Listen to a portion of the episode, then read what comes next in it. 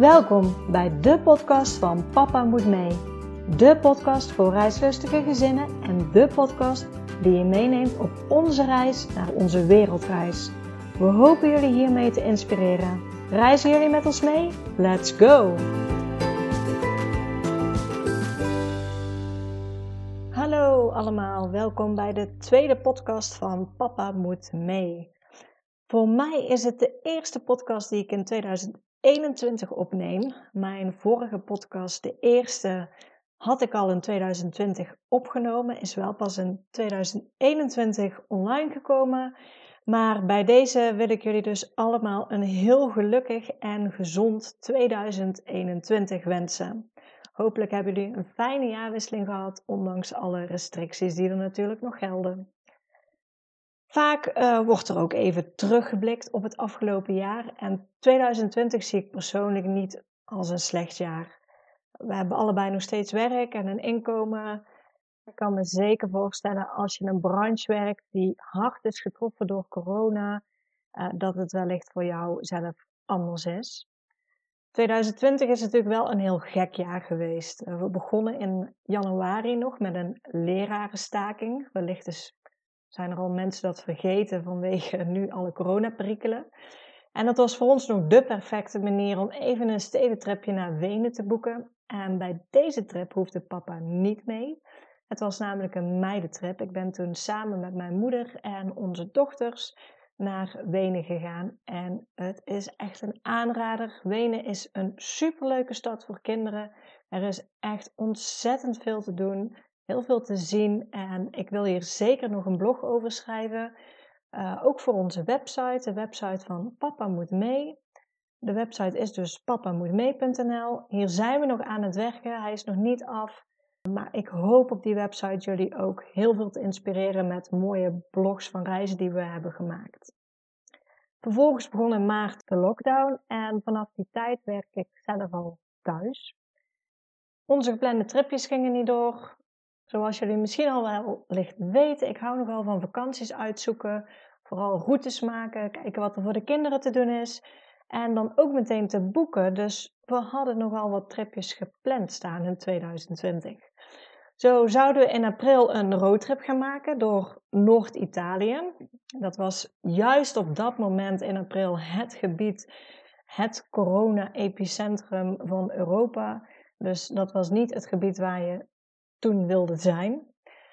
Uh, die trip is dus ook niet doorgegaan. Ik had alles zelf geboekt, zelf uitgezocht. We zouden beginnen in Milaan, we zouden naar Cinque Terre gaan. Toren van Pisa, onze jongste dochter wilde heel graag de scheve toren zien. En dat hebben we dus moeten annuleren. We hadden alles zelf geboekt. Onze jongste dochter vond het wel heel jammer, want die zei: uh, dadelijk als ze er naartoe gaan, dan is de toren omgevallen. Dus uh, ik heb haar gezegd dat hij, als het goed is, niet omvalt, dat hij al heel lang scheef staat en dat we zeker ooit in de toekomst uh, er nog een keer naartoe gaan. Ook in april zouden we een paar dagen naar Luxemburg gaan. Ook die hebben we moeten cancelen. In mei zouden we naar Duitsland gaan. En hier raadt het al, dat tripje werd ook gecanceld. En toen waren we eigenlijk heel benieuwd of de zomervakantie door zou gaan. Het was toen best nog wel een twijfel. De cijfers gingen weer goed van, van corona. En de landen gingen weer soms een beetje open. Dus we hadden toen nog wel hoop dat het door zou kunnen gaan.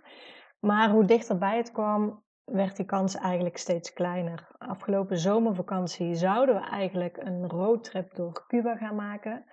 Daar hadden we echt heel veel zin in. Ik heb uh, ontzettend veel op internet lopen zoeken op uh, hoe het gaat in Cuba, welke route we kunnen pakken, wat er te doen is voor de kinderen. Cuba is natuurlijk uh, nog steeds een apart land.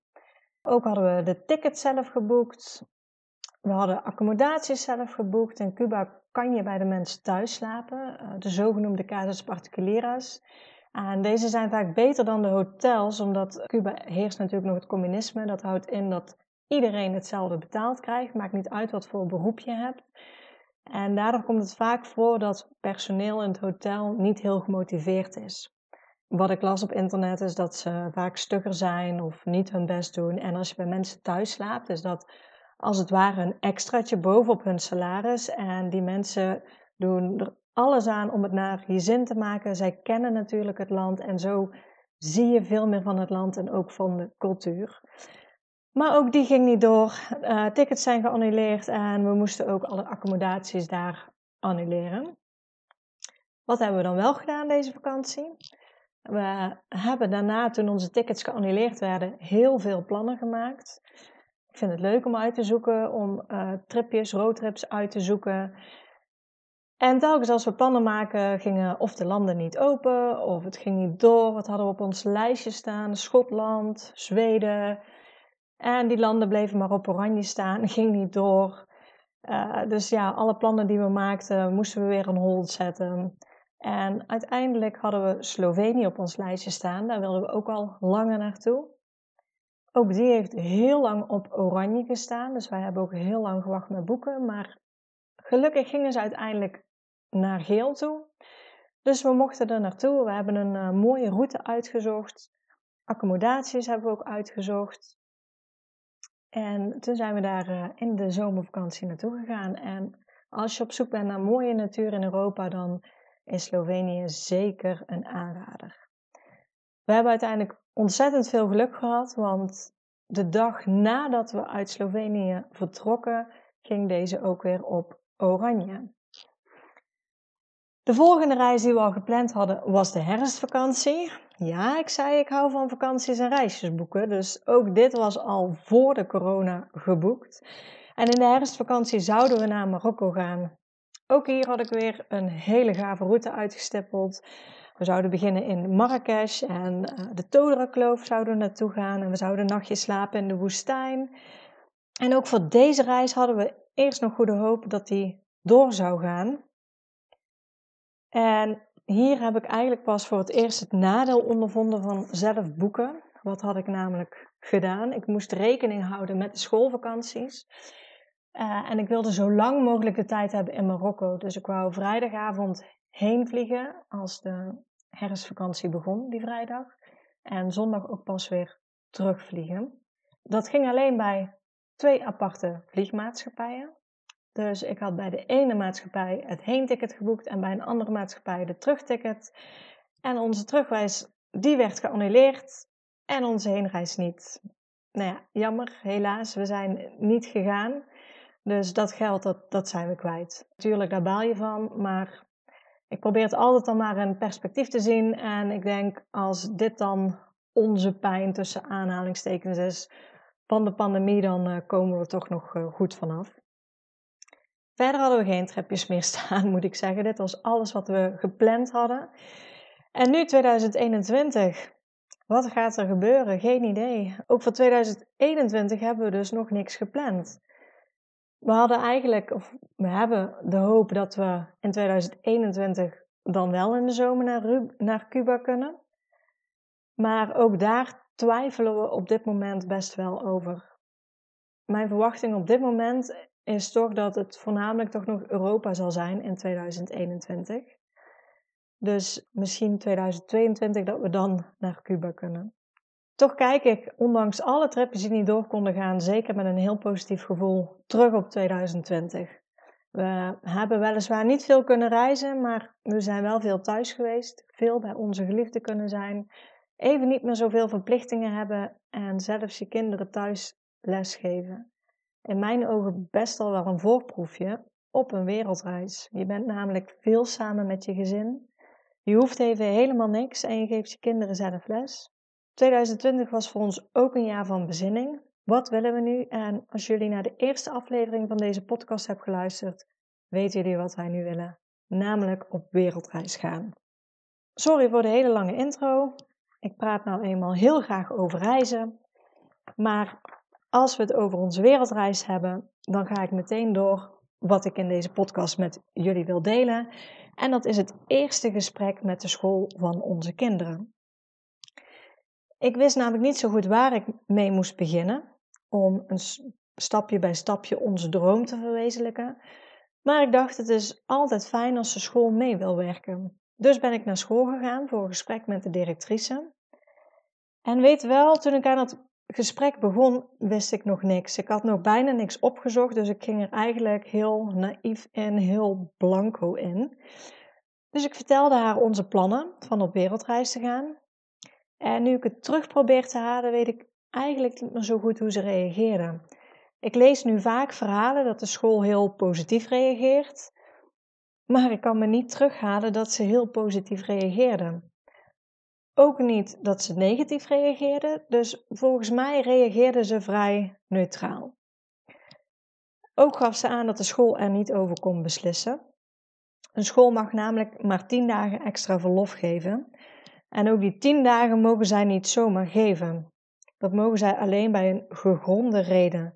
En dan moet je bijvoorbeeld denken aan ouders die een beroep hebben waardoor het niet mogelijk is om in de schoolvakanties op vakantie te gaan.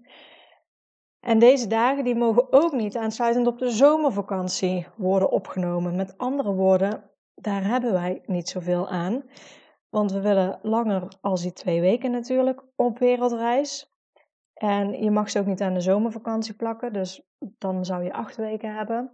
Uh, en wij willen natuurlijk nog langer gaan. Toen gaf ze aan, als je dus langer verlof wilt hebben, dan moet je dat aanvragen bij de leerplichtambtenaar. En ze heeft van mij de naam opgeschreven en het telefoonnummer van de leerplichtambtenaar uh, van onze plaats. Daarna gaf ze mij ook nog mee dat we niet te veel hoop moesten hebben, want er was al wel eens een ander gezin geweest met dit verzoek en dat had de leerplichtambtenaar afgekeurd. Dat briefje met die naam en het telefoonnummer van de leerplichtambtenaar, dat heb ik nog steeds. En ik heb het na dat gesprek van de school zo vaak in mijn handen gehad. Dan had ik het papiertje vast, ik keek naar de naam, naar het telefoonnummer. En dan ging ik bedenken, wat voor persoon zou het zijn? Zou het een aardig persoon zijn? Zou hij ons het gunnen om op wereldreis te gaan? Zou ik hem al bellen? Tot op heden heb ik hem nog niet gebeld. En na het eerste gesprek met school was mij ook vooral duidelijk dat ik mij eerst eens in alle mogelijkheden moest verdiepen, voordat ik het gevolgende gesprek aanging. Ik ben dus gaan googlen en ik ben vooral op zoek gegaan naar wanneer een leerplichtambtenaar toestemming geeft. En dat bleek niet zo vaak. Een leerplichtambtenaar moet zich namelijk aan de wet houden.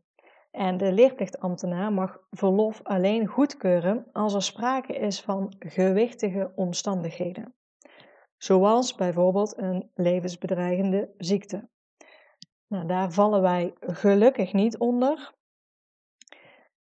Dus als ik naar een leerplichtambtenaar ga, die zich aan de wet houdt, en ik ga ervan uit dat hij zich aan de wet houdt, want mocht hij dat niet doen, dan kunnen ze naar hem toe gaan.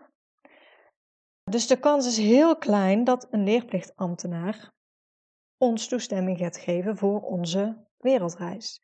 En zeker met de woorden van de directrice van de school in het achterhoofd. Een ander gezin wilde dat ook, maar hun aanvraag is afgekeurd.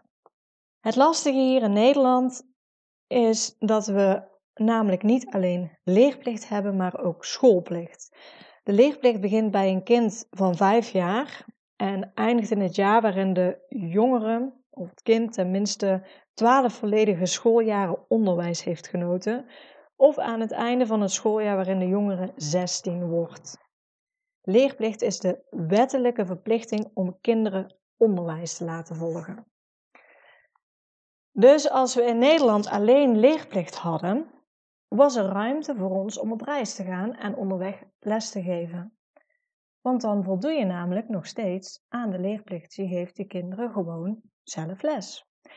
Maar naast de leerplicht hebben we in Nederland ook schoolplicht. En dat betekent dat een kind fysiek op school aanwezig moet zijn. En dat wordt wel iets lastig als je aan het reizen bent.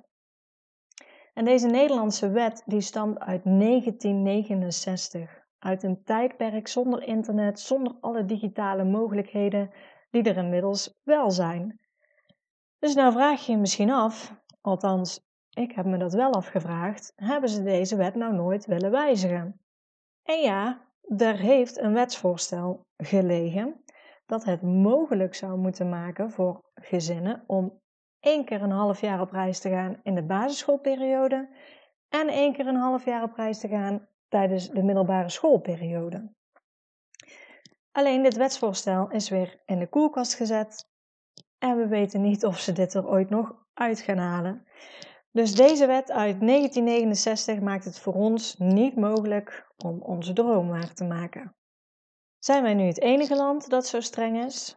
Nee, naast Nederland hebben ook Zweden, Griekenland en Duitsland ook zowel leer- als schoolplicht. In andere landen, zoals bijvoorbeeld België, heb je alleen leerplicht en zij mogen hun kinderen dus thuisonderwijs geven en hebben dus wel de mogelijkheid om wereldreis te gaan.